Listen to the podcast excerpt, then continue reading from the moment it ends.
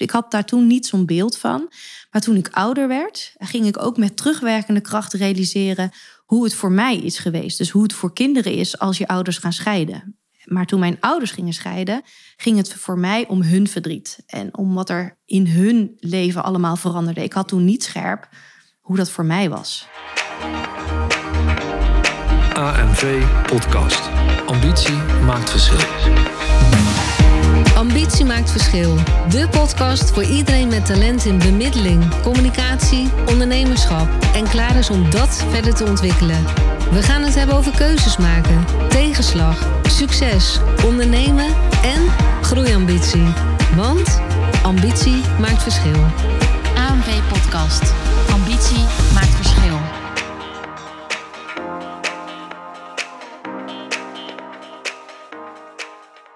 Van harte welkom bij weer een nieuwe aflevering van de AMV-podcast Ambitie maakt verschil.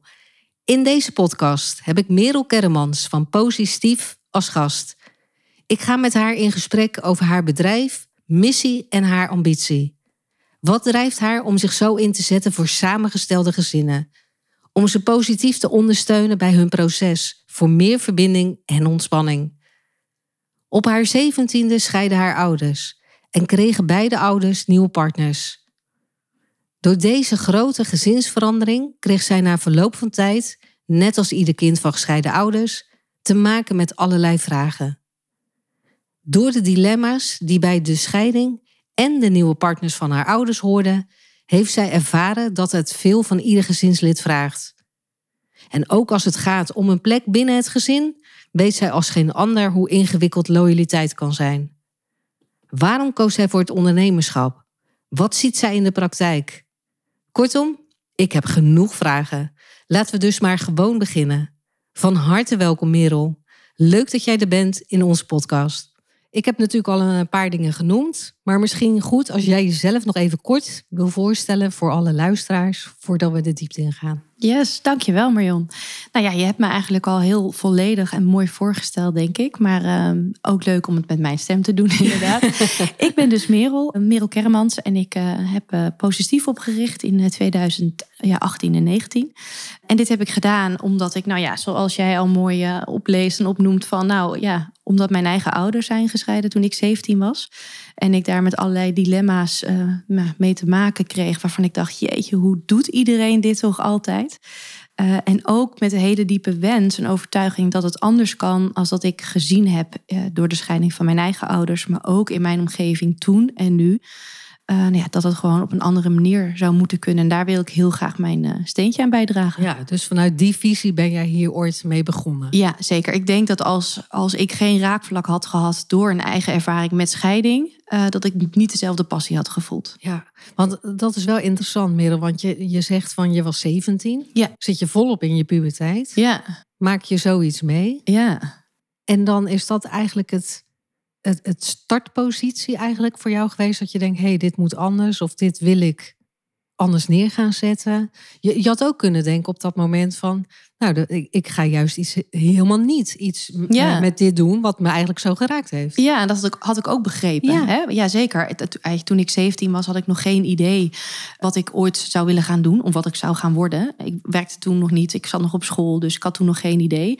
En ik ben eerst uh, totaal andere dingen gaan doen. Ik heb wel altijd in de zorg gewerkt. Dus altijd uh, voor grote organisaties gewerkt uh, die raakvlakken hadden met doelgroepen in de zorg. Ja. Dat heb ik wel altijd gedaan. En tot mijn, nou, in mijn dertigste niet gedacht, ik wil iets met scheiding gaan doen. Wel altijd heel erg gevoeld dat daar zoveel in mocht gebeuren nog. Maar omdat ik niet daartoe opgeleid was en in die tijd leefde dat ook niet zo. Hè. Ik, toen mijn ouders scheiden, is al ruim twintig jaar geleden, ja. uh, was die scheidingshulp ook echt anders. Veel minder, veel minder actief, ook veel minder mm -hmm. ook op kinderen gericht. Dus ik had daar toen niet zo'n beeld van. Maar toen ik ouder werd, ging ik ook met terugwerkende kracht realiseren hoe het voor mij is geweest. Dus hoe het voor kinderen is als je ouders gaan scheiden. Maar toen mijn ouders gingen scheiden, ging het voor mij om hun verdriet. En om wat er uh, nou ja, in hun leven allemaal veranderde. Ik had toen niet scherp hoe dat voor mij was. Komt en dat, dat, komt dat later pas eruit? Ja, dat is dus echt op pas dat na moment kun je dat heel erg... Hè, dat hoor je wel vaker, dat kinderen hebben echt heel goed stressmanagement. Eh, dat ze dat echt kunnen parkeren ten, uh, ja, ten veuren eigenlijk van hun ouders. Hè? Dus Ja. dat ze echt meer de focus op hun ouders hebben. Als zij maar goed gaan, als zij maar Absoluut. gelukkig zijn. Ja. Waar komt dat vandaan? Loyaliteit. Ja. Ja, loyaliteit voor eh, de behoefte je ouders zo gelukkig te zien. Eh, dus jezelf daarvoor inzetten om dat, om dat voor elkaar te krijgen. Dat zie ik ook nu in mijn praktijk bij kinderen gebeuren. Dat sommige dingen niet tegen hun ouders willen zeggen. Mhm. Uit angst dat ze hun nog meer verdriet bezorgen. ja. Eh, alleen dat gaat allemaal op heel onbewust niveau. Ja. Ja. als je kinderen dat niet uitlegt, weten ze ook niet dat dat er eigenlijk onderliggende ook over hen gaat. Ja, en, en hè, want daar gaan we het zo uitgebreid over hebben. Over jouw, jouw werk. En want je hebt een prachtige praktijk neergezet. Maar welke aandacht was er in die tijd van eh, de scheiding van jouw eigen ouders voor jou? Nee, eh, niet. Niet? Ehm, nee, eigenlijk helemaal niet. Ik kan me nog herinneren dat ik in die tijd ook wel vriendinnen had... die ook een thuissituatie hadden die niet prettig was. Eh, die lag dan niet in de scheidingssfeer, maar door een ziekte of een overlijden. En het viel mij op dat, dat bijvoorbeeld leerkrachten... of eh, nou ja, ouders van andere vriendjes en vriendinnetjes daar aandacht voor hadden... en daarnaar vroegen, wat ik heel terecht vond. En Mhm. ik ging daarin mee. Maar als ik later wel eens op de fiets dacht ik... hé, hey, maar eigenlijk is er bij ons thuis ook iets groots aan de hand. En ik Ja. voel me eigenlijk heel verdrietig, maar niemand vraagt ernaar. En niemand vraagt ernaar. Terwijl eh, als je alweer zoveel jaar teruggaat dat jouw ouders eh, zijn gescheiden. Toen was het ook nog niet even, dit bedoel ik even eh, op, op een goede manier tussen Mhm. haakjes. Het is, was niet lopende band, wat je heel vaak toen zag Nee, bij zeker. kinderen uit je klas. Nee, en ik denk ook dat dat juist hetgeen maakt waarom er niet zo naar gevraagd werd. Ik denk dat het ten eerste al iets meer in de taboesfeer lag. Hè. Scheiden Mhm. was in die tijd gewoon niet zo, nou ja, hip is oneerbiedig, maar niet zo. In, Ja, ja Hè, zo, zo we, hip we als doen het even goed. Dus Ja. dat jullie even als luisteraar wel even onze intentie hierachter goed eh ja, zeker. Maar- Maar, het, het is denk ik ook wel. Ik kan me ook herinneren dat mij ook wel eens is gevraagd of is gezegd van goh, maar ja, je ouders kiezen daar dan toch ook voor. Ja, Hè, het is, ik denk dat mensen het minder zagen of soms ook nog wel zien als het overkomt je niet. Het is een keuze. Eh, en omdat het een keuze is, wekt het misschien iets minder begrip op. ja anders als wanneer iemand overlijdt. Dan Ja, is zeker. geen keuze. Ja. Dat is ineens gewoon Ja, weg. ja, absoluut. Daar zit denk ik wel een belangrijk verschil. Hè? En daar moet ook hè, nogmaals heel veel aandacht voor zijn. Maar en, ik denk en, dat en het- dan van de aandacht vanuit, want ja, je bent 17, je zit nog op eh, school. Ja, nee, op school Leerkrachten? nooit. Nee, er is nooit een leerkracht of een, een maatschappelijk werker van school eh, geweest die mij heeft gevraagd eh, hoe het thuis ging of hoe het met me ging. Nee. Wisten ze het wel dat je ouders in scheiding zaten? Ik heb het tegen mijn decaan destijds wel eens verteld, maar ik heb zeker niet veel daarover verteld. Daar zat ook schaamte onder, ehm, maar ook ehm, nou, niet de aandacht naar me toe willen trekken daarvoor. Eh, en zelf niet zo goed weten van wat, wat, hoe, hoe werkt dit nou eigenlijk? Bij wie ga je hiermee naartoe? Ja. Geen idee had ik. Ja, en hoe, hoe heb je jezelf dan in die puberteit? Hè? Want dan ben je heel erg ook zoekende naar wie ben jij, wat wil jij? eh, hoe heb je je staande gehouden dan? Ja, ik denk dat ik dat ogenschijnlijk wel makkelijk heb gedaan. Ik heb me daar best wel eh, met terugwerkende kracht kijk ik daar wel op terug dat ik me krachtig voelde. Eh, maar daar zat ook in dat ik eh, best veel vriendinnen had. Eh, ik reed paard, ik ging lekker uit op een gegeven ogenblik. Dus ik verzette mijn zinnen wel. Maar ik heb een heel groot eenzaam verdriet echt onderdrukt. En dat heb ik later pas een beetje kunnen toelaten. Eh, dus ik heb de aandacht daar niet zo naartoe gelegd, omdat ik echt dacht dat het niet om mij ging. Het was niet mijn scheiding. En, en eigenlijk hoor ik je zeggen, er komt een moment, dan komt het naar boven. Ja, Iets wat je onderdrukt, hou je op een gegeven moment net als een strandbal in het water, zeg ik altijd, maar hou je niet meer tegen. Wanneer, wanneer komt zo'n moment? bij mij was het toen ik zelf kinderen kreeg. Ik weet dat ik nog was net pas bevallen van mijn eerste kindje en in dat eh, kraambed lag. En eh, nou ja, het is natuurlijk überhaupt een eh, best Nou, een toestand, dat is hè? een, Een kind krijgen dat en is op de een, zetten. Ja, dat is best even Ja. een ander fase. Zeker. Ja, en ik weet nog dat ik toen mijn, mijn ouders zouden toen allebei naar het ziekenhuis komen en ook hun nieuwe partners. Mhm. En toen realiseerde ik mij, jee, ons hele systeem wordt nu met de komst van dit kindje weer anders. En eigenlijk verdraag ik de veranderingen niet meer. Ja, Eh, terwijl het eigenlijk, te veel. het werd eigenlijk te veel. Maar ook dat heb ik toen niet bewust gevoeld. Maar eh, dat is een beetje gaan sluimeren. Maar dat was het eerste dat ik dacht, huh, maar ik wil deze veranderingen eigenlijk allemaal niet meer. Nee. Wat, wat wilde je wel? Ehm, ik wilde heel graag, heel graag in een bubbel met alleen mijn ouders Ja. en mijn baby en Ja. mijn man Ja. en zijn ouders. Zonder en, het gedoe. en allemaal heel erg verliefd kijken naar die baby. Dat is wat ik eigenlijk wilde. Ja. Ja, dat, dat is zo'n zo'n moment wat je eigenlijk dan altijd nog bijblijft. Hè? Ja. En eh, daar ben je mee aan de slag gegaan met jezelf? Ja, ik heb dat uh, ten eerste om dat uh, te erkennen bij mezelf. Dat ik dat eigenlijk heel graag maar wilde, maar dat het niet meer kon. Uh, en dat ook voorzichtig eens hardop uitspreken. Dat, dat waren eigenlijk de eerste stappen. bijvoorbeeld om tegen mijn moeder te zeggen dat ik dat eigenlijk helemaal niet zo'n leuke situatie vond. Mm-hmm. en het tegen mijn partner zeggen. Ik wil eigenlijk helemaal niet dat de partners van mijn ouders meekomen. Maar dat kan, eigenlijk, kan ik eigenlijk niet maken. Mm-hmm. Ja, door dat eerst maar eens uit te gaan spreken, dat waren de eerste stappen. Dat ik voelde, hé, hey, maar er zit dus nog dat kind in mij die ergens ja. behoefte aan heeft. Ja, zonder dat je inderdaad dan uh, uh, jezelf heel erg. Je, ze ging jezelf meer naar die voorgrond uh, zetten. Ja. Van wat wil ik nu eigenlijk in dit systeem? Ja, inderdaad. En je bent op een gegeven moment heb je echt gekozen om hier je werk van te gaan maken. Ja, dat was. Hoe is dat gegaan? Want ik hoorde je ook zeggen net dat je eerst een grotere bedrijf hebt gewerkt. Ja, ja, ik heb eerst bij uh, grote organisaties gewerkt. Ja. Uh, ik heb heel lang gewerkt bij een grote organisatie voor mensen met niet aangeboren hersenletsel. Mm -hmm. uh, daar werkte ik in een rouw- en verliesteam. met veel plezier gewerkt. Maar op een gegeven ogenblik merkte ik dat ik dat ik het anders wilde, dat het anders kon en dat ik ook wel van doelgroep wilde veranderen. Uh, ik was toen al wel een tijdje geïnteresseerd in Stiefplan. Stiefplan is een organisatie die uh, voor samengestelde gezinnen uh, mensen opleidt. ik ging al eens naar congressen en dergelijke. Ik las hun boeken. En op een gegeven ogenblik dacht ik... hé, hey, maar dit interesseert mij bovenmatig veel. Hebben alle kinderen van gescheiden ouders dat? Nou, daar kwam ik gauw achter, dat is niet per se zo. Nee. dat had ik met name. En toen uh, ben ik de eerste opleidingen gaan doen. En uh, in 2018 uh, voorzichtig is uitgesproken... wat nou als ik dat zelfstandig zou doen? Een beetje lachig nog. En toen zei mijn man eigenlijk van... ja, maar dat kan jij en dat moet je gewoon doen. Ga en, ervoor. En waar, want ik vind het leuk wat jij zegt. Waarvoor een beetje lacherig nog?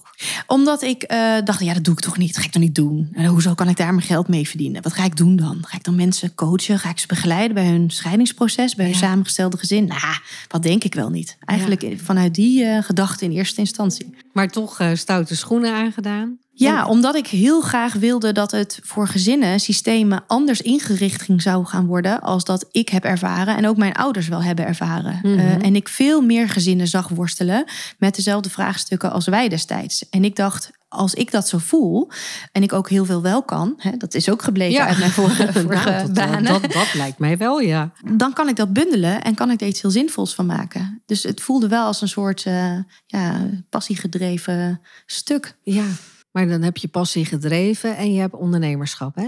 Ja, ja ondernemerschap en- en is dat, echt heel dat, anders. Dat is inderdaad wel een, iets anders. Hè? Want dat heb ik al vaker in de podcast ook eh, gehoord. Maar ook gezegd van... ehm, eh, goed zijn in je vak maak je nog geen ondernemer. Nee. Nee, ondernemerschap heb ik ook echt moeten leren. Ja. Um, en dat begint bij van, vanaf wanneer noem je je ondernemer? Hè? Ja. Ja, ja. Um, en dat ben je eigenlijk vanaf het moment dat je naar de Kamer van Koophandel gaat en je gaat je eerste klanten zien. Dan heb je dat dus vanuit Ja. je ondernemerschap gedaan. Maar je moet wel die eerste klanten uh, krijgen. Ja. En daar is natuurlijk wel een soort spanningsveld op. Nou ja, want daar zie ik nog wel een differentiatie. Hè? Want een hoop mensen zeggen, oh nou ben ik ondernemer. En dan hebben ze uh, een KVK-nummer gehaald. Hè? Mhm, Maar ja. in mijn beleving ben je dan nog geen ondernemer. Dan ben je geregistreerd. Maar mooi dat je zegt, het gaat er wel om dat je natuurlijk die klant gaat Ja. doen. Ja. ja, in mijn geval ben ik eigenlijk gewoon. Uh, ik weet nog dat ik uh, een discussie had met mijn man Rick. Uh, over dat ik per se een visitekaartje wilde. Ja. Want ik dacht, dan heb ik namelijk Ja, iets om je iets om te laten zien. En ik kan toch niet beginnen zonder website? Want dan ben ik toch niks. Ja. En hij sprak me daarin heel erg tegen. En ik was daar toen best wel fel op, puur uit onzekerheid. Maar hij had wel gelijk. Ik moest gewoon beginnen. En ik heb gewoon een eerste gezin gratis gedaan. En een tweede gezin voor een heel laag bedrag. En toen merkte ik hoe, hoe ontzettend zinvol alles wat ik eigenlijk al bijdroeg uh, was. En ben ik steeds meer geld gaan vragen. En gewoon het gaan uitbouwen. Ja, maar, maar even terug naar het begin, uh, middel van jouw ondernemerschap. Ja. Heb je toen je baan opgezegd? Ja. Uh, hoe, ben je in het diepe gesprongen? Ja. Dat je dacht van nou, nu ga ik uh, all in. Of all out, maar all in nu. Ja, ontslag genomen en mezelf een maand of acht de tijd gegeven om me en nog meer te gaan professionaliseren en om de onderneming op te starten. Ja, want heel, vaak hoor ik ook mensen die uh, in een loondienstverband nog zitten. En die zeggen, nou dan ga ik het er zijdelings naast doen. En dan ga ik het zo een beetje opbouwen. En dan op een gegeven moment ga ik steeds meer afbouwen bij uh, de werkgever. En dan ga ik opbouwen in mijn eigen bedrijf. Ja, ik snap die gedachtegang wel. Ja. Omdat het financieel natuurlijk heel spannend is om zomaar te stoppen. Ja. Uh, en dat onderstreep ik ook wel. Uh, maar als ik het erbij had gedaan, uh, ik ken mezelf, ik ben veel te veel met, met beide dingen dan bezig. En dan voor mij voelde het dan als allebei net niet. Nou ja, maar dat is het. Hè. Ik vind het altijd een hele interessante discussie. Want natuurlijk snap ik ook als geen ander dat je denkt van ja, het is spannend. Uh, want je hebt niet gelijk vanaf dag één een, een, een goed lopende praktijk. Hè. Daar heeft aanlooptijd ja. nodig. Aan de andere kant, als je blijft hangen, uh, alles waar, wat je aandacht geeft, groeit. Dus je geeft het verminderde aandacht op dat moment aan je bedrijf, want je zit ook nog in loondienst. Um, en dan raakt het ook misschien weer een beetje naar de achtergrond. Als je denkt, nou ja, het lo loopt toch niet, gaan we weer een dag extra werken. En voordat je het weet, zit je weer helemaal ik zie er niet zoveel slagen die het vanuit dit concept zeg maar doen. Nee, en ik weet voor mezelf, mijn valkuil zou zijn dat ik daar zou gaan waar mijn comfortzone zou zitten. Nou ja, precies. Hè, dus uh, in loondienst zijn en uh, doen wat je altijd gedaan hebt en waar je ook goed in bent, is dan denk ik heel aanlokkelijk. Ja. Dus toen de uitgangspunt gedacht van oké, als ik ga, dan ga ik. Ja. En uh, het toeval, het vervelende toeval trof dat toen in diezelfde fase corona ook uh, kwam. Ja. Hè, waar iedereen uh, heel wel bekend. Ja. En het bedrijf van mijn man ook failliet ging in, in dat jaar. En toen moest ik wel. Ik werd kostwinner. En dat maakte ook dat behalve de wens en de passie te voelen om het te willen doen, er ook een heel groot stuk moeten in zat. Ik wow. moest gewoon geld gaan verdienen. Ja. Maar, maar, jij zegt het even zo in één alinea. Hè? En, het, de, en de corona. En het bedrijf van jouw man failliet. En je werd kost, kostwinnaar. En je had een kind. En ja, twee kinderen. Twee ja. kinderen. Ja, maar ja. even uit elkaar rafelen. Want dit is best heel veel. Kijk, voor jou is het allemaal natuurlijk heel duidelijk. Voor de luisteraar die denkt zo... Wow, wat happened? Hoe doet die vrouw dit? Ja. Want kijk, uh, laten, we, laten we wel zijn. Hè? Op het moment dat uh, de corona was al heel... Nou goed, daar hoeven we niet te veel meer over te hebben. Dan weten we denk ik allemaal wat het uh, gedaan heeft. Maar als je dan ook nog in privé te maken krijgt met een faillissement. Nou, ja. dat, dat doet heel veel met je natuurlijk in je relatie. Ja. Maar je krijgt ook op dat moment wel een dikke geldstress. Ja, ontzettend. Ja, daar dan... hebben we echt, echt, echt stress van gehad. En geldstress heeft iets heel raars. Want uh, we denken, ik heb dat zeker ook gedacht, veel geld hebben is niet belangrijk. Hè? Dat, dat is ook hoe je wel een beetje opgevoed bent. Van, ja. Nou ja, het is, je moet hard werken voor je geld, maar veel geld hebben is niet geld, belangrijk. Geld maakt niet gelukkig. Zeker niet. Maar geen geld hebben of schulden krijgen maakt heel ongelukkig. Juist, want en, ik hoor ook heel vaak mensen zeggen: geld maakt niet gelukkig. En ik hoef niet zoveel te hebben om. Uh, goed te leven. Maar dat wil ik inderdaad altijd wel heel graag nuanceren. Want geld aan zich maakt niet gelukkig, maar geen geld hebben maakt zeker wel ongelukkig. Ja. En um, als je veel geld hebt, heb je veel meer keuzevrijheid. Ja, dat is het. En, en, als je wakker ligt van, jeetje, hoe moet ik volgende maand de huur of de hypotheek weer betalen en hoe komt die koelkast weer vol? Precies, ja. Dus ik vind dat altijd wel een hele makkelijke uitspraak, die ik natuurlijk veel ook om mij heen hoor. En kijk, als je naar onze hele podcast in het begin hebt geluisterd, wij hebben natuurlijk ook uh, niet met een faillissement te maken gehad, maar wel met, uh, nou ja, uh, stormachtig ja. weer in binnen het ondernemerschap. En, en dan ga je er wel anders naar kijken. Zeker. Ja.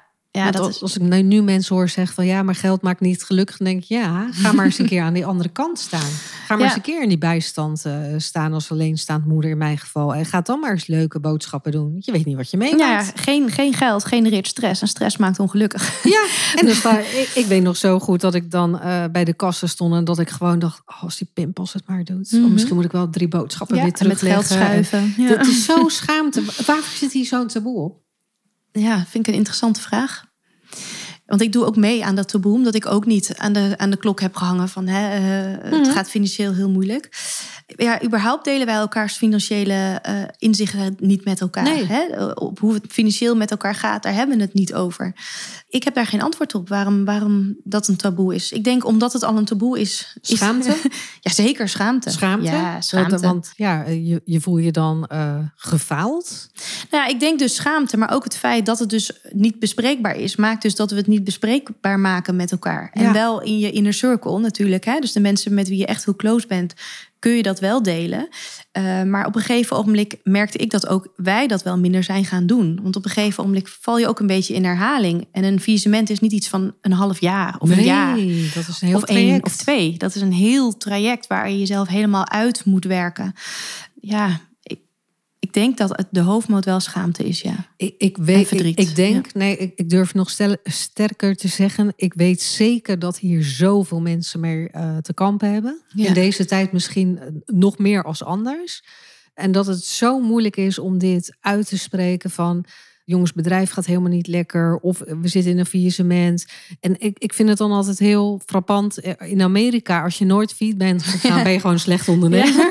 Hier is het not done, hè? Nou, Hier dat is dan in ons zo. geval een voordeel. nog. Ja, dat is echt een voordeel van jongens, kom bij ons. Nee, maar het, het is toch Net echt, waar. echt heel bijzonder. Ja.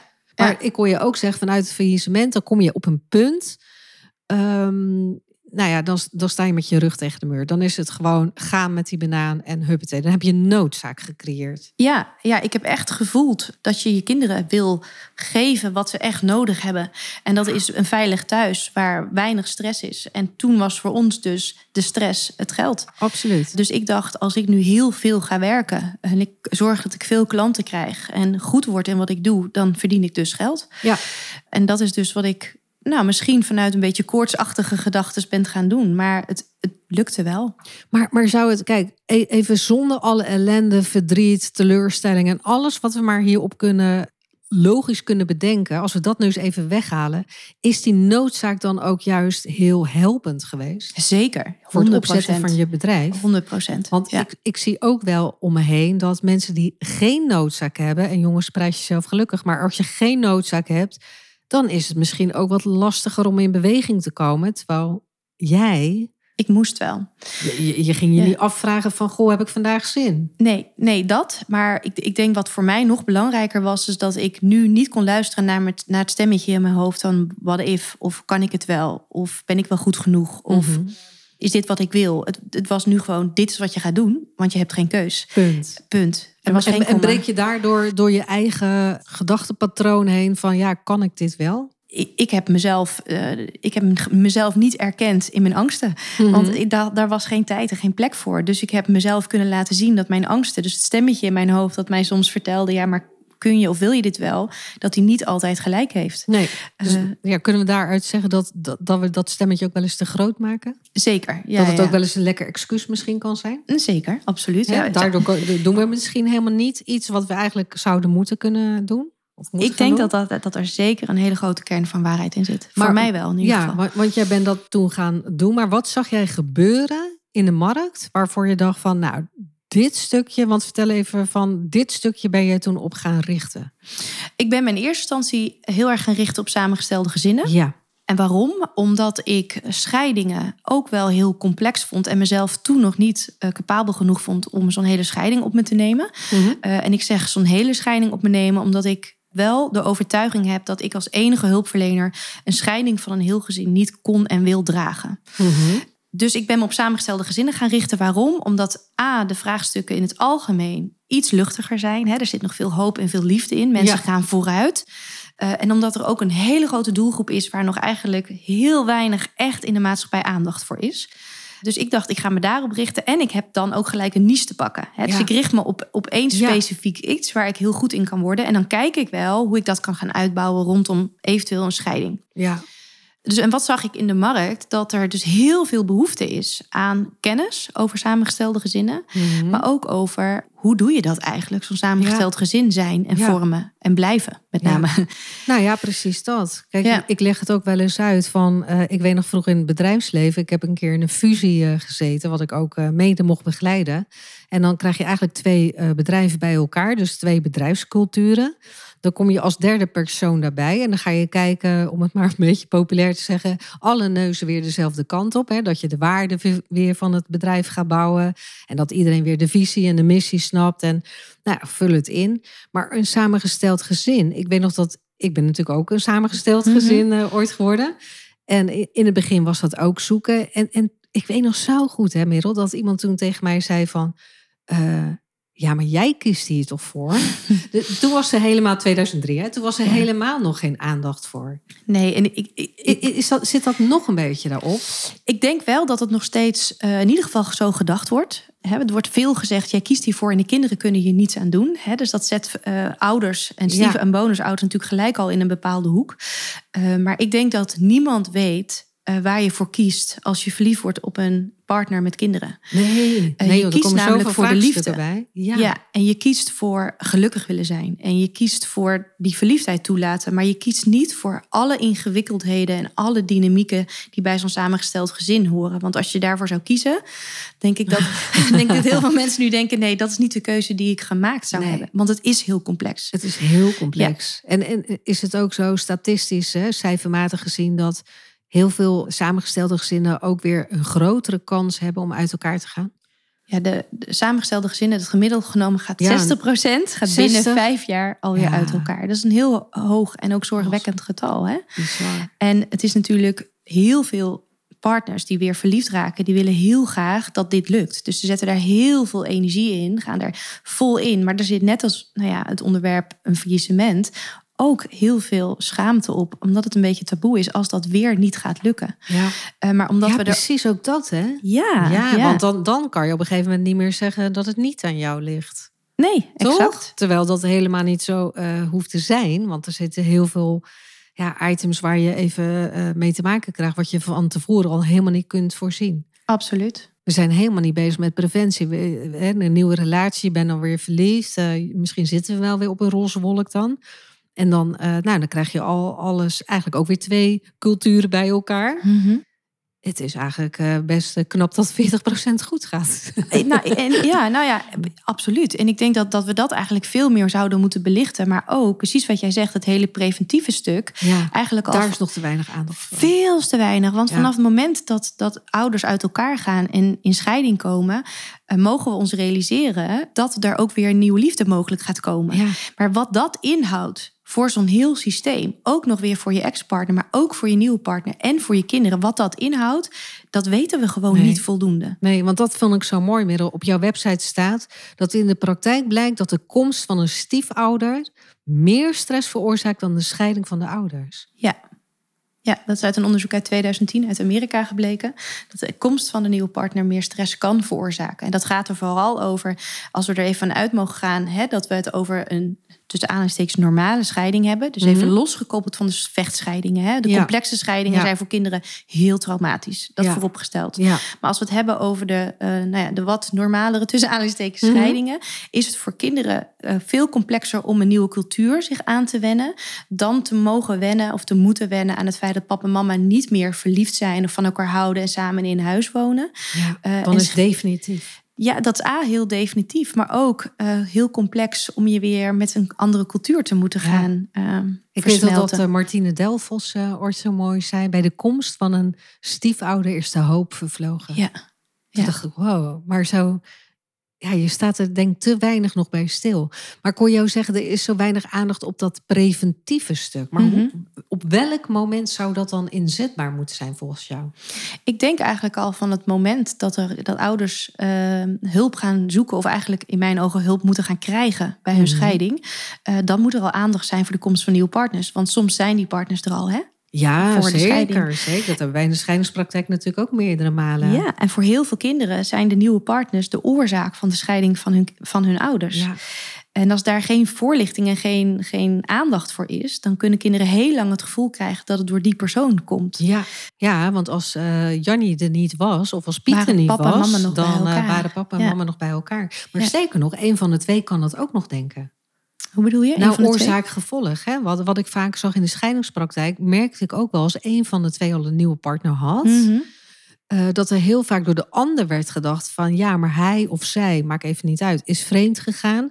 Als hij of zij eh, er niet was geweest, dus die derde even buiten de relatie, Ja. dan waren wij nog samen. Ja, Dus dat oorzaak-gevolg, zij, zij zien dan die nieuwe partner vaak als een, een ge- gevolg van de scheiding. Of als de oorzaak, moet ik zeggen, van de scheiding. En ze zien niet dat hun relatie al zo onder druk stond, dat dat eigenlijk daar al is ontstaan. ja, maar het is natuurlijk ook heel pijnlijk om te onderkennen Totaal. dat de relatie eigenlijk al niet meer van die waarde was dat er ruimte is voor een nieuwe partner. Ja. En het is prettiger om dan hè, het, wat geen buiten jezelf ligt, daarvan te, de schuld te geven. Nou ja, het, het, het is natuurlijk ook makkelijker. Je hebt een- misschien niet een stukje, noem het even gezichtsverlies. Hè? Dus dat je kan zeggen, nou, hij, eh, even vanuit mijn positie, hij is vreemd gegaan. Weet je, dan, dan ligt het aan Mhm. hem. Of, Mhm.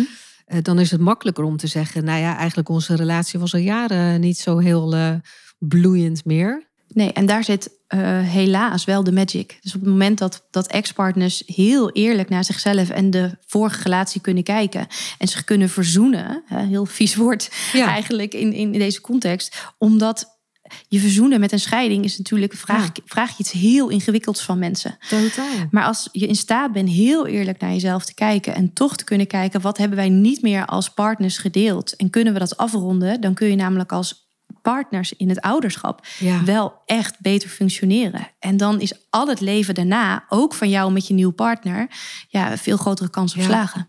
Ja, want even terug naar die, die preventie. Denk jij dat mensen die tijdens een scheiding, hè, want wij uh, in onze scheidingspraktijk eh, besteden daar veel aandacht aan. Mm Eén van de twee stond daar uh, altijd best voor open, de ander totaal niet. Hè? Even generaliserend. Ja. Daar was nog geen ruimte voor om daarover na te denken. Daar willen ze nog niet aan, daar willen ze nog niet bij, daar kunnen ze nog niet omarmen. Dat, nee, weet je, heel, is heel bedreigend. Ja, totaal. En, en zij zien dat natuurlijk als een, ja, inderdaad als een bedreiging, waardoor die, die scheiding is, uh, of heeft plaatsgevonden. Mhm.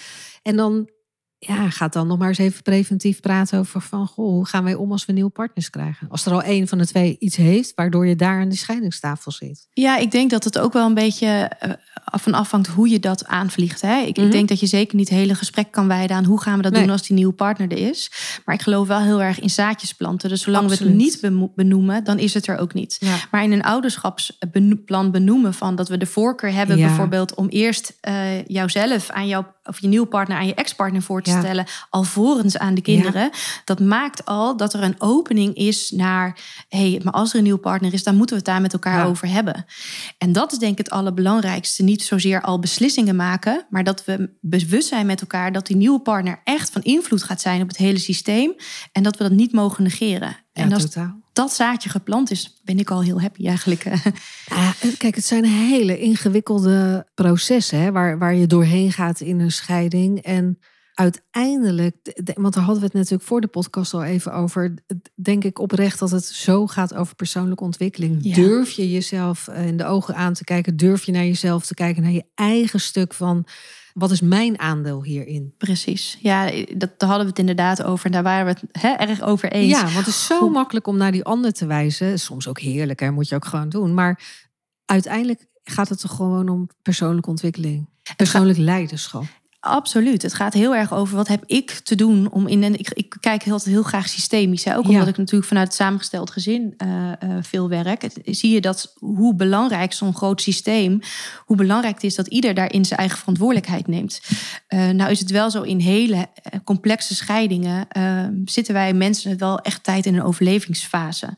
En juist dan is het heel belangrijk dat er goede hulpverlening is die hun op milde wijze wijst op dat eigen stuk. Precies. En hoe je dat aanvliegt. Want dat kunnen mensen die zoveel pijn en verdriet voelen, zelf ook niet uitvogelen. Dus daar moet wel echt hulp voor zijn. En, en zie je ook van, want stel je voor, hè, dus, uh, ik, ik, ik, zie even voor me. Dus een, een man, vrouw, die, die vormen weer met hun kinderen een samengesteld gezin. Ja. Die komen uit een eerdere relatie. Dus die hebben allebei een scheiding meegemaakt. Die scheiding is nog niet goed afgehecht op partnerniveau. Mhm, mhm.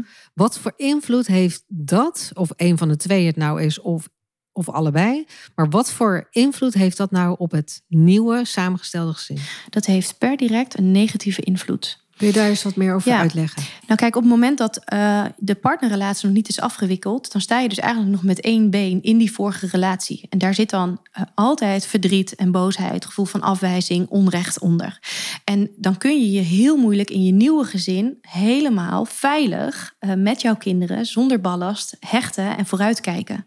En dat maakt het voor de nieuwe partner ook heel lastig om zich te verhouden tot jouw ex-partner, omdat er zoveel nog onder ligt. Dus de weg is eigenlijk gewoon gewoon nog niet schoon voor het samengestelde gezin. En je neemt eigenlijk de ellende die er was, neem je gewoon, mee, naar het nieuwe. Ja, ja. komt weer zoveel ruis uh, eigenlijk op alle, op alle levels eigenlijk weer. Hè? Ja. Dus continu ruis op de radiofrequentie noem ik het dan eigenlijk. Zeker, het is voor mij een van de hoofdredenen waarom samengestelde gezinnen uh, niet goed functioneren. Ja, door de niet goed, niet goed afgehechte ex-partnerrelatie. Ja, absoluut. En welk advies zou je dan mensen uh, kunnen geven die dit nu horen en denken: wow, dit herken ik wel? Nou, als je al in een samengestelde uh, relatie zit en ook Mhm. al samen woont, sowieso ook altijd zorgen dat jij met jouw ex-partner zo goed mogelijk, want je bent natuurlijk wel met z'n tweeën, eh, in die ouderrol samenstapt. Dus dat je samen goede ouders kan zijn. En dat je eh, die ex-relatie goed afhecht. Ben je nog niet in zo'n samengestelde relatie, zorg dan dat je dit allemaal georganiseerd hebt voordat je weer vol in een samengesteld gezin duikt Ja. omdat het zo ontzettend veel helpt als dat is afgerond. Dat er weerstand tussen de ex-partner en de nieuwe partner veel minder groot hoeft te zijn. Dat jij niet continu in conflict zit met je ex-partner. En met name dat die kinderen daar dus niet tussen Nou zitten. ja, d- dat is het allerbelangrijkste. Dat is het maar dat, dat lijkt me evident. Ja. Maar ik kan me ook voorstellen, je, hoort natuurlijk ook snel van, ja, maar hij of zij ging alweer veel te snel ook samenwonen met. Mhm. Maar kijk, ik vind het wel weer interessant, want nu denk ik van, ja, maar ligt dat nou aan de snelheid van dat mensen dat doen? Of heeft dat ook, ook te maken, dus en, en er is niks goed of fout, hè? Mhm. Maar heeft dat ook te maken met van eh, als iemand wel al zijn uh, tussen haakjes shit heeft opgeruimd en alles op orde heeft, de rolverdeling heel duidelijk heeft van hé, hey, ik ben nu uh, uh, ouder, ik, ik ben een ex-partner, maar dat allemaal goed op een rijtje heeft, ja, dan, dan zou dat theoretisch natuurlijk niks met snelheid te maken hebben. Dat, dat hangt er een beetje af uh, waar de kinderen ook in de verliescirkel zitten. Ja, uh, wij ouders, wij volwassenen, uh, zijn op een andere plek in de verliescirkel als het gaat over rouw rondom de scheiding. Dus ouders die hun scheiding hebben aangekondigd bij hun kinderen, de meeste ouders weten dat dan al even. Hè. Natuurlijk zijn er al ook Ja. gevallen bekend van niet. Ja. Maar de meeste ouders zijn dus ook al een beetje verder daarin. En voor kinderen is het noodzakelijk dat zij tijd krijgen om te begrijpen dat papa en mama niet meer bij elkaar zijn. Dat zij naar een volgende fase gaan en hoe dat er dan uit gaat zien. Dus als papa en mama uit elkaar gaan en binnen een maand wonen ze ook weer samen met een nieuwe partner die ze net hebben ontmoet. Het is, het is bizar. Hè? Ja, en we ja. lachen er een beetje ja, om, maar, maar, het, het gebeurt. Ja, hè? precies. En dan ben jij dat kind. En dan ben jij dat kind. Dus hoe maak je in hemelsnaam die shuffle en hoe verhoud je jezelf tussen die twee werelden? Dus in die zin, ja, het maakt het uit hoe snel het gaat. Ook al gaat het in een redelijke harmonie. Een kind moet gewoon ontzettend wennen aan het feit dat papa en mama onafhankelijk van elkaar twee nieuwe wezens worden.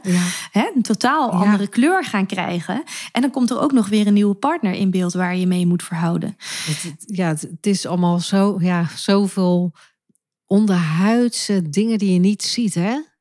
Ja. Onder de waterlinie zit, er gebeurt zoveel wat je niet ziet, maar wat wel natuurlijk is. Absoluut. Kijk, en als volwassenen, wij, wij kiezen hiervoor, hè, voor een nieuwe relatie, mm -hmm. uh, om te gaan samenwonen. Als kind heb je geen keus. Nee, je gaat mee. Naar je gaat je mee ouders... in de keus uh, van je ouders. Ja, ja. en. en het mooiste vind ik aan kinderen altijd dat ze zo ontzettend zich flexibel opstellen. En hoe, uh, nou ja, hoe loyaal ze aan hun kinderen zijn. Hè? Het is prachtig, maar het is ook ontzettend verdrietig. Want ja. dat gaat heel, heel erg ver. Maar, maar is dat zo, Merel? Want dat zeggen wij misschien als volwassenen ook heel graag. Van kinderen zijn gelukkig heel flexibel. Nee, kinderen moeten flexibel zijn. Ja, maar dus, zijn ze het ook? ik denk dat het heel erg afhangt van, van het kind, hè, maar ook met name van de scheiding. Dus op het moment dat dit een hele intense, complexe scheiding is, dan kun je als kind uh, uh, bijna niet flexibel meer zijn. Nee. Hè, dat, dat is onmogelijk. Maar moet je dat misschien wel zijn, omdat het van je gevraagd wordt, ja. omdat het verdriet allemaal zo groot is rondom jouw ouders. Ja. Maar ik denk dat kinderen die uh, een, een scheiding meemaken, waar ouders in goede harmonie uit elkaar gaan. In een goede harmonie bedoel ik met weinig grote conflicten. En dat zij het ouderschap samen goed kunnen doen. Mm -hmm. Dan denk ik dat kinderen wel heel flexibel kunnen zijn door te wennen dat ze niet meer en bij papa en bij mama wonen. Ja. Uh, daar kunnen kinderen, hè, dat, dat blijkt ook wel best wel goed aan wennen. Er zijn Ja. zeker ook gevallen dat kinderen zeggen: Ik heb van de scheiding eigenlijk niet zoveel last gehad. Ik snap eigenlijk wel dat mijn ouders Ja. niet meer samen zijn. Maar dat zijn altijd de dat kinderen. zeggen die van mij, ja. Nou, ik Nee, snap dat in mijn dat geval ook. Zo, dat is echt zo. Ja, maar dat zijn wel de kinderen die niet heel veel conflict hebben gezien. Nee, nee dat, maar dat, dat, is helemaal, uh, dat is helemaal waar. En ja, het is ook wel weer zo dat, ze bij mij nu zeggen, ze waren toen acht en vijf. En nu denken ze van, hè, ik, maar ik had jullie ook nooit bij elkaar bedacht. en ik ben heel goed met mijn ex, dus dat is heel grappig. Maar hoe zij er dan weer tegenaan kijken. Maar het, het blijft wel, ondanks dat wij het in onze beleving dan goed hebben gedaan, harmonieus, zoals jij mooi zegt, merk ik wel bij, bij, ook bij onze kinderen van, ja, dat het wel op sommige punten wel tussen haakjes gedoetjes blijft. Ja. Weet je, alles maar met, met kerstdagen. Ja, snap je? En dan Nou, krijg je ja. misschien nog een, eh, ook nog een partner later ooit... die ook te maken heeft met gescheiden ouders. Het, het wordt allemaal niet simpeler op. Nee, het is, ik, ik noem het heel vaak een levend verlies. Het is Ja. namelijk niet iets wat je afrondt. In elke levensfase komen er nieuwe aspecten naar voren... waar je of verdriet, of boosheid, of onrecht kan gaan ervaren. Hè? Ja. Dus echt verlaat verdriet kan er optreden. Ja, wat jij net zo aan eh, het begin van de podcast zo mooi vertelde... dat dat bij jou pas Ja. op later moment tot uiting kwam. Ja, ja. en ook, ook verdriet rondom het samengesteld gezin. Eh, Kan ook pas veel later omhoog schieten. Hè. Ik noem maar iets.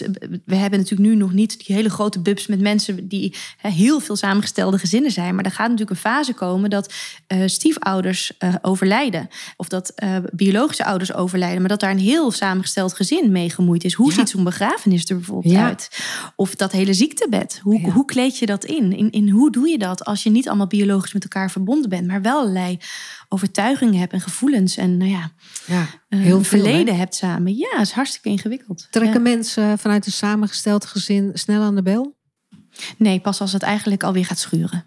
Ja, ik heb echt, er zijn echt heel fijn ook mensen die zeggen: hé, hey, wij hebben samenwoonplannen, waar moeten we op letten? Dat is echt heel gunstig. Ja, maar dat, dat vind ik inderdaad ook al het stukje preventief. Ja. Ja. dus dat voordat je...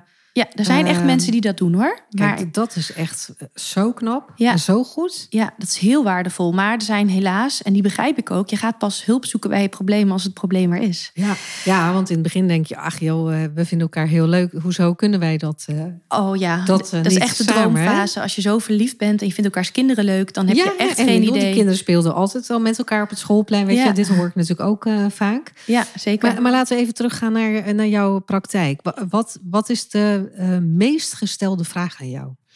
De meest gestelde vraag, ik denk wel, hoe gaan we om met opvoedverschillen? Dat is een heel gestelde vraag. En, en toch weer terug naar de ex-partner. Eh, hoeveel invloed mag de ex-partner hebben op ons nieuwe gezin? Ja. En, en maak je ook wel eens mee dat de ex-partners dan ook nog een keer bij jou komen? Dat kan alleen als eh, de ex-relatie al goed is afgehecht. Mhm. En er al zo'n vertrouwensband in dat hele systeem is ontwikkeld... dat eh, zij elkaar dat gunnen, maar ook elkaar iets kunnen en willen leren. Ja. Dus het is die systeem dat eigenlijk al goed functioneert.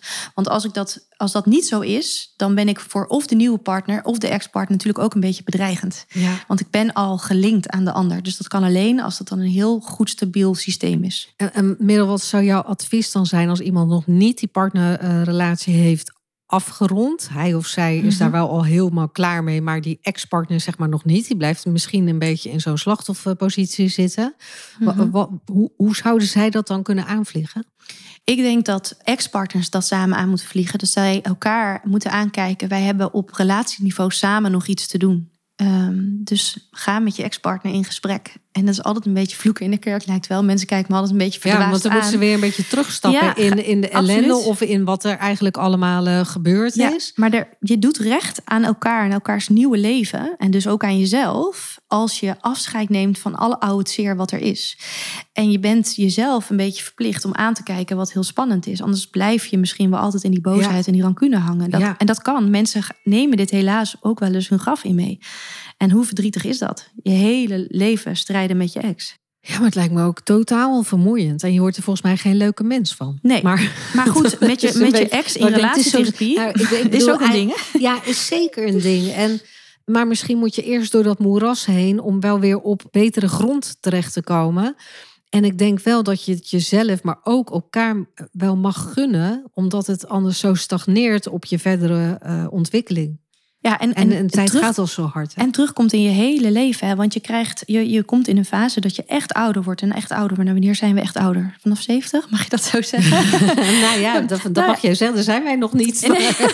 Dan Nou ja, mag je dat. Hè? En hoe verder je daar naartoe gaat, hoe meer jonger dat weer wordt. Snap je? nou, laten we zeggen, vanaf het moment dat je zeg maar grootouder kan worden. Hè? Dus opa en oma kan worden. Dan kom je in een levensfase dat heel veel mensen ook wel graag rust willen. En Ja. het goed willen hebben met de mensen om hun heen. Ja. Maar je gaat elkaar tegenkomen. Als je namelijk allebei kleinkinderen krijgt. Dan ga je elkaar tegen Ja. blijven komen. Word je Op- samen opa en oma? Je wordt samen opa en oma. en je had je helemaal nog niet over nagedacht Nee, destijds? en in het ziekenhuis, bij de geboorte of, of op verjaardagen afzwemmen. De hele mikmak. Ja, of, maar ik kan me ook voorstellen, hè, dan lig jij in je kraambed en dan ben je zelf bevallen. En dan denk je, ja, wie ga ik nu het eerste bellen? Mijn vader of mijn moeder? En Mhm. als er gedoe is, het blijft loyaliteit. Hè? Absoluut, ja. En dat is dus precies wat we net al hadden hadden, dan Ja. kan het dus met terugwerkende kracht ineens bam weer een beetje. Ja, ja, Ik snap het. Merel, jij hebt een boek geschreven, hè? Mijn kleinkind, jouw kleinkind. Ja, Hoe is dat ontstaan? nou, dat is ontstaan omdat. eh, nou, Want dat is weer vanuit, sorry, vanuit een andere positie. Ja. Grootouders. Juist. Ook onderschat. Echt nog een onderschat, Ja. een onderbelicht thema. En ook echt, nou ja, echt ook vanuit mijn passie heb ik dit boek geschreven samen met Corrie Havenkort. Mhm. Zij is filosoof en eh, nou ja, al jaren eh, bezig met het samengestelde gezin. En ik liep, nou ja, rond mijn dertigste werd ik dus moeder. En eh, ik lag dus in het kraambed, precies wat jij net schetst. En ik dacht echt van, oké, wauw, een totaal nieuwe dynamiek. Maar hoe doe je dit? Ik Ja. wist me echt geen raad, niks over te vinden. Over grootouders, stiefgrootouders. Hoe noem je wie wat? Hoe, hoe werkt dat? En ik zei eens tegen haar van jeetje, is er niet een etikettenboek of zo waarin gewoon staat hoe ik me moet opstellen, wie ik waarbij moet betrekken en hoe ze gaan heten? Want Ja. ik krijg het niet bedacht. Ik zit klem in mijn loyaliteit. En toen zei zij eerst gekscherend van nou, dan schrijf je toch een boek. Ja, Ja, ik- nee, Schrijf nee, even dacht ik. gewoon een boek. En al pratende zijn we dat boek maar gaan schrijven. En heel veel mensen daarbij gaan betrekken om, om kennis te krijgen. Maar ook waar leeft dit? Leeft dit bij mensen? Is het mijn vraag of is het een vraag van veel Maar meer? ik denk eh, dat hier heel veel stil verdriet in zit. Ja. Grootouders die hun kleinkinderen bijvoorbeeld niet meer zien. Och, en dan in het hele systeem zit daar veel verdriet. Ja, bij, hè, we hebben daar een nieuwe term in bedacht, de in-between ouder. Dus dat is de Mhm. ouder, de, positie die ik had. Die zit dus tussen het kind je ouders en de stiefouders in. Dus de grootouders. Ja, die kampt met het verdriet van jeetje, hoe, hoe doe ik dit? Eh, ik wil misschien, mijn, mijn moeder is misschien wel de echte oma. Of mijn, mijn vader is misschien wel de echte opa. Ja. Maar wat voor rol mag of hoort mijn stiefouder eigenlijk te krijgen? En waarom is dat eigenlijk zo? ja. En wie geeft die rol? Doen ze dat zelf? Doen wij dat? Doet, Ja. het, doet het kind dat? Het Ja. kleinkind? Ja, hele Hele ingewikkelde... andere dynamiek gelijk. Ja, en voor de stiefouder, stiefgrootouder ook soms heel lastig. Want welke rol mag jij? Of wil jij? Ja. Kun je aan? Denk jij ook dat als mensen een harmonieuze scheiding hebben meegemaakt, hun rolverdeling goed eh, op orde hebben? Dus dat ze echt ouders van het kind kunnen zijn en dat- dat ex- ex-partnerschap is echt afgehecht. eh, dat dat dan ook makkelijker gaat met stiefgrootouders. Ja, daar ben ik heel diep van overtuigd. dus dat je dan Ja. misschien twee opa's hebt of Ja. twee oma's. Ja, daar ben ik heel diep van overtuigd. Omdat dan al die oude pijnen en al het oude verdriet en die boosheid niet meer speelt in die relatie dan. Ja. Dan kijken we namelijk met een totaal ander plaatje naar ons systeem. En niet meer vanuit boosheid, verdriet of ik voel me tekort gedaan of niet erbij horen. Ja, dat is een heel ander perspectief. Maar ik, ik ben het helemaal met je eens. Want er is natuurlijk heel veel aandacht voor, nou ja, laat ik het gewoon noemen, complexe scheidingen. Ja. Terwijl ik altijd zeg, alles wat we aandacht geven, groeit. Dus ik, ik, er is heel veel begeleiding, is heel veel loketten waar, waar je allemaal bij kan zijn. En het aantal conflictscheidingen groeit. Dus dat vind ik ook altijd een interessante discussie. Maar ik kan me voorstellen voor grootouders of stiefgrootouders, waar ga je naartoe? Ja. ja, dat is een hele ingewikkelde. Dan hebben we het nu al over hè, als je eigen kind een kind krijgt en je mag die, dat kindje delen met een stiefouder. Maar we hebben het natuurlijk ook over als jouw kinderen gaan scheiden Ja, en eh, nieuwe partners krijgen, waardoor je ja hoe blijf jij in positie krijgt. staan als grootouders? precies Hè, als een oma of eh, Ja, want ja, jouw kind gaat scheiden. Jij, jij gaat 100% achter jouw kind staan. ja, en maar je vergeet hebt ook weer kleinkinderen. Ja, en vergeet niet dat grootouders nu in de hedendaagse gezinscultuur een hele grote eh, rol hebben. Hè? Wij brengen te pas en te onpas onze kinderen naar onze ouders in deze, ja. deze hoe zeg je dat, generatie. ja. Dus eh, voor die ouders, grootouders, is weinig hulp tot niet. ja. Heel weinig. Dus Ja. ik vond dat daar aandacht voor mocht komen. Maar ja, als we kijken naar het hele familiesysteem, dan, eh, we hadden het net over even de fontein, maar waar iedereen zich dan eh, moet zitten. En inderdaad, ja, grootouders worden ook steeds jonger. Mhm. Ook al niet zozeer leeftijdstechnisch, maar gewoon in heel nou ja, de, de wereld van nu.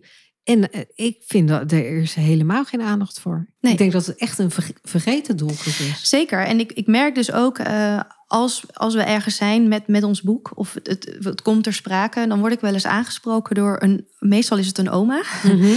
En die is eigenlijk altijd in tranen. Omdat ze dan zegt, ja, ik, je hebt me zo hè, door het boek zo geraakt op, Ja. mijn, op mijn kwetsbare plek. Op mijn kinderen en daar de kleinkinderen van. Ik heb eigenlijk geen idee, wat is dan nu eigenlijk precies mijn rol? En wat mag ik verwachten? En het gevoel van moeten delen met een eventuele andere oma... is heel kwetsbaar voor heel veel eh, Ja. eh, vrouwen. En zeker wat, ook wat, voor wat heeft jou echt verrast toen jullie dit boek gingen schrijven? Dat je dacht, goh, hier had ik voorheen nooit eigenlijk over nagedacht. Nou, wat mij wel verraste was, uh, ik merk dat met name uh, de, de stiefopa's en oma's uh, interesse hebben in het, in het, nou ja, van maar hoe doe ik dat dan? Mm -hmm. Maar de opa's en de oma's, dus de biologische opa's en oma's, voelen vooral heel erg. Jeetje, ja, dit, dit was er al die tijd. Maar ik dacht dat het iets van mij was, dat ik maar niet zo moest zeuren. En dat ik er een beetje kinderachtig over deed. Ja. Uh, dat heeft mij wel heel erg verrast. Omdat ik natuurlijk vanuit mijn perspectief het heel erg zag. Hè, van ingewikkeld, hè, tussen al die vuren in. Ja, maar er zijn zoveel mensen, zoveel wensen. Weet je? En dan ook nog een beetje dingen die niet afgehecht zijn. Ja, en Nou, ik zag succes. het dan ook nog wel heel erg vanuit het perspectief van die stiefgrootouder. Van ja, boe, best wel ingewikkeld, wat, Ja. wat is je plek? Maar die biologische grootouders, ja, die komen in zo'n fase dat ze gewoon vredig met elkaar willen zijn. En dan kom je weer terug in die dynamieken vanuit die scheiding. En daar zit gewoon ontzettend veel verdriet. En dat heeft mij eh, verdrietig gestemd verrast, zeg maar. Dat ik dacht, er is Ja. nog zoveel wat we daar met elkaar in te winnen hebben. Ja, want wat, wat zou je eigenlijk tegen iedereen willen zeggen? Wat moeten ze echt horen als we deze podcast hebben geluisterd? Ehm, Misschien als we even gewoon kijken naar de professionals. mhm. Wat, wat wordt volgens jou het meest onderschat nog door professionals? Dat in je eentje aan de slag gaan met een systeem of met een gezin. Mhm. zeker echt zoden aan de dijk kan zetten. Maar ik geloof veel meer in dat we moeten samenwerken. En dat er ehm, vanuit verschillende invalshoeken naar zo'n systeem gekeken moet worden. Ja. Eh, we hebben noemen nu alleen al de grootouders, eh, maar ook de kinderen dus. Eh, Ja, eh, de extra een specialisme aan zich, hè? elk Ja. stuk. Ja, de, daar, daar moeten we veel meer met, met elkaar naar gaan kijken. En elkaar ook om hulp gaan vragen. Hè. Als ik een samengesteld gezin zie, maar ik zie dat er eigenlijk iets nodig is in die ex-relatie. Zou het fantastisch zijn als ik een heel sluitend netwerk zou hebben. Dat ik kan zeggen: Goh, maar dan gaan jullie, ga jij met je ex naar die. Ja, precies. En dat wij daar dan weer overleg over kunnen hebben op professioneel vlak. Ja. Ja. dat dat zou mijn. Ja, absoluut. Ja, Ik denk echt dat, dat onze gescheiden systemen dat nodig hebben. dat is mooi. Gescheiden systemen. Ja, Zullen we dit de titel van de podcast noemen? ik vind het een goed ik idee. vind hem ook heel goed. hey, even nog eh, even omwille van de tijd meer, want ik heb nou eigenlijk nog zoveel eh, vragen. Maar goed, misschien gaan we er ooit nog een keer één opnemen. Maar eh, even totaal ander spoor. Wat is ambitie voor jou? Ambitie is voor mij dat ik kan doen waar ik goed in ben. En dat dan ook nog blijkt dat het anderen helpt. Mooi. En vroeger zou ik gezegd hebben, dat zou dus niet gekoppeld zijn aan geld. Mhm. En zo voel ik dat ook wel als ik en- enkel alleen maar aan mijn ideologie denk. Hè? Van Mhm. wat, wat wil ik uitdragen of teruggeven aan de wereld. Maar het is ook wel ambitieus voor mij nu om daar ook gewoon wel mijn geld mee te verdienen. Want ik kan Ja. dus mijn gezin daarmee onderhouden. Ja. Dus dat is ook wel een Ja. ambitie erbij. Nou ja, ik, ik- vind dat, daar hadden we het natuurlijk ook al over. Ik vind het altijd een hele interessante discussie. Want als je heel veel geld hebt, of kunt verdienen met het mooie werk wat, wat jij doet, dan kun je andere mensen ook weer heel erg eh, blij daarmee maken. Ja, Dus kijk, dan heeft het ook wel weer een mooie. ja 1 1 2 Ja, nee, maar soms wordt er gedacht van. eh, ik vind het altijd heel leuk hoor, met, met- mensen over eh, gelddiscussie eh, of over geld te hebben of te discussiëren daarover. Dan heel vaak eh, zien we in onze kind- en scheidingtrainingen natuurlijk ook mensen vanuit nou ja, de zorgkant. Die zeggen, oh nee, commercieel, dan vallen ze al bijna flauw. Eh, ze ze, associëren dat heel snel met geld verdienen over de ellende, over de rug van een ander. Ja. Ja, vind ik altijd heel boeiend, merk ik. Ja, en ik denk dat dat ook wel een beetje komt inderdaad door wat voor scholing je hebt gehad. Hè? Kijk, kom je uit de commerciële hoek, dan ben je ook een beetje getraind om anders te kijken, denk ik. En als je uit organisaties komt of vanuit een stichting zelfs, dan heb je inderdaad gauw de indruk dat je over de rug van anderen geld verdient. Maar het is ook nog eens een keer zo dat je als je iets echt te bieden hebt en je hebt die kennis, Waarde. eh, ja, het is alleen heel jammer dat dit soort dingen nog niet zo vergoed ra- zijn. Hè? Voor, voor heel veel mensen is dat pas als je echt in een heel complexe situatie komt en eh, Ja. de gemeente komt daarbij kijken. Het is natuurlijk wel iets wat je heel erg moet beseffen, dat het je ook echt gaat helpen en daar dus geld aan uit moet precies geven. dit. En dan mag, de, mag het ook geld kosten, want het levert je aan de andere kant zoveel op. Ja, maar dat inzicht eh, krijgen, denk ik dus, dat daar moeten we dus preventief Ja. dus bij helpen. ja. Want dan kunnen we die doelgroep misschien ook bereiken. En als je kijkt naar je ondernemerschap, hè, wat zou je achteraf nooit meer doen? Wat ik achteraf nooit meer zou doen. eh, nou, sowieso twijfelen aan mijn competenties. Want dat heb Ja. ik echt wel gedaan. Hè? Jeetje, wat heb ik nou te vertellen? Eh, maar ik zie dat, dat, dat, ik zie dat het zoveel doet. Mhm. Dus minder aan mezelf twijfelen. Want toen ik moest, ging ik. ja, want dan, dan, dan heb je geen ruimte meer om te twijfelen. Ja, dat kan je wel doen, maar je moet toch door. Ja, en wat ik ook nooit meer zou doen...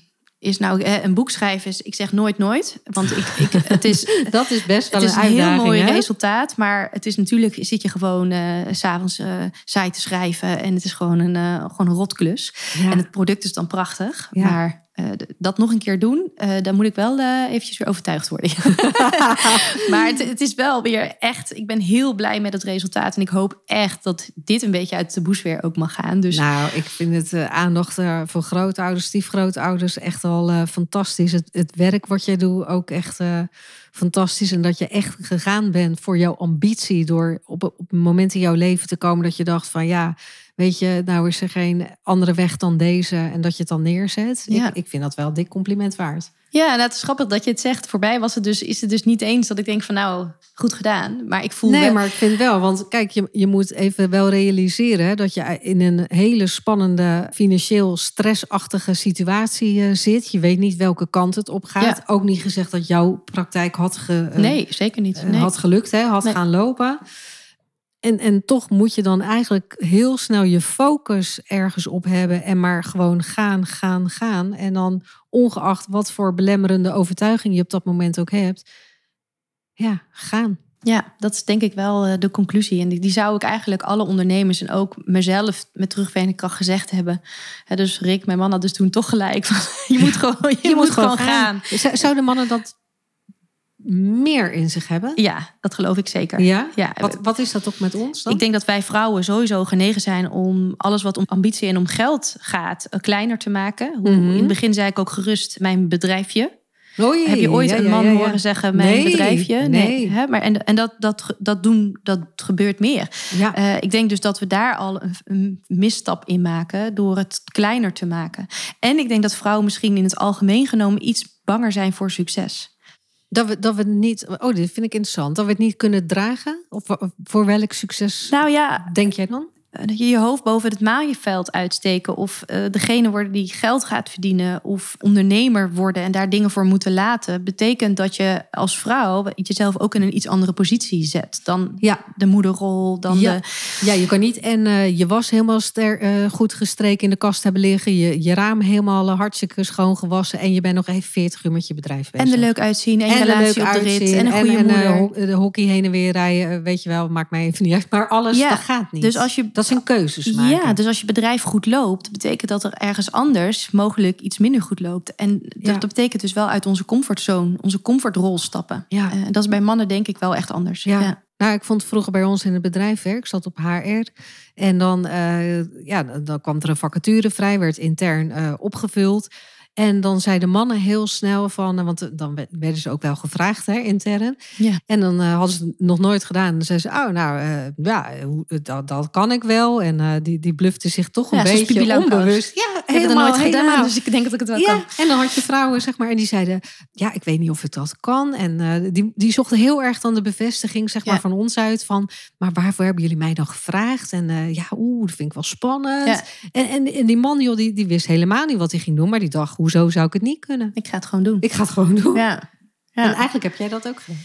ja, ik heb dat ook gedaan omdat ik geen aandacht gaf aan die onzekerheid die er lag. Maar als ik daar wel meer aandacht aan had gegeven, dan was dat ook zeker mijn vrouwelijke valkuil geworden. Ja. Eh, En ik heb dus nu gezien dat het mij niet heeft geholpen om hè, zo, me zo te voelen. Dus dat ik maar gewoon ervoor moest gaan. Dus eigenlijk een beetje aanspraak moest maken op die mannelijke energie. ja. En ja, dat Nou, werkte. d- Dus Ik wou net zeggen, je Laten hebt een, we eh, een meer naar de succesvolle praktijk neergezet. Nou, Merel, dankjewel voor jouw inspirerende motivatie. Ja. En eh, vooral het mooie werk wat je op de kaart zet. En hoe, hoe jouw passie de afdruipt voor het hard maken voor samengestelde gezinnen. Dankjewel voor dit waardevolle gesprek en vooral al jouw inzichten. ja, jij ontzettend bedankt voor al je vragen. En dat dit soort dingen besproken mogen worden. En iedereen dat mag luisteren. Want dat is denk ik wel eh, belangrijk. Daar doen we het voor. Dankjewel. AMV Podcast. Ambitie maakt verschil. Dankjewel voor het luisteren. Uiteraard hopen wij dat jij hier nieuwe inspiratie of inzichten uit hebt gehaald voor weer een volgende stap. Als je met plezier hebt geluisterd en je bent nog niet geabonneerd op onze podcast, abonneer je dan via je favoriete podcast-app. Je kunt natuurlijk ook een review achterlaten. Daar zijn wij enorm blij mee. En als je vindt dat andere ondernemers naar deze podcast zouden moeten luisteren, deel deze podcast dan gerust met je netwerk. Wij zien nu al uit naar de volgende podcast. Dus graag tot de volgende keer. En weet, ambitie maakt verschil.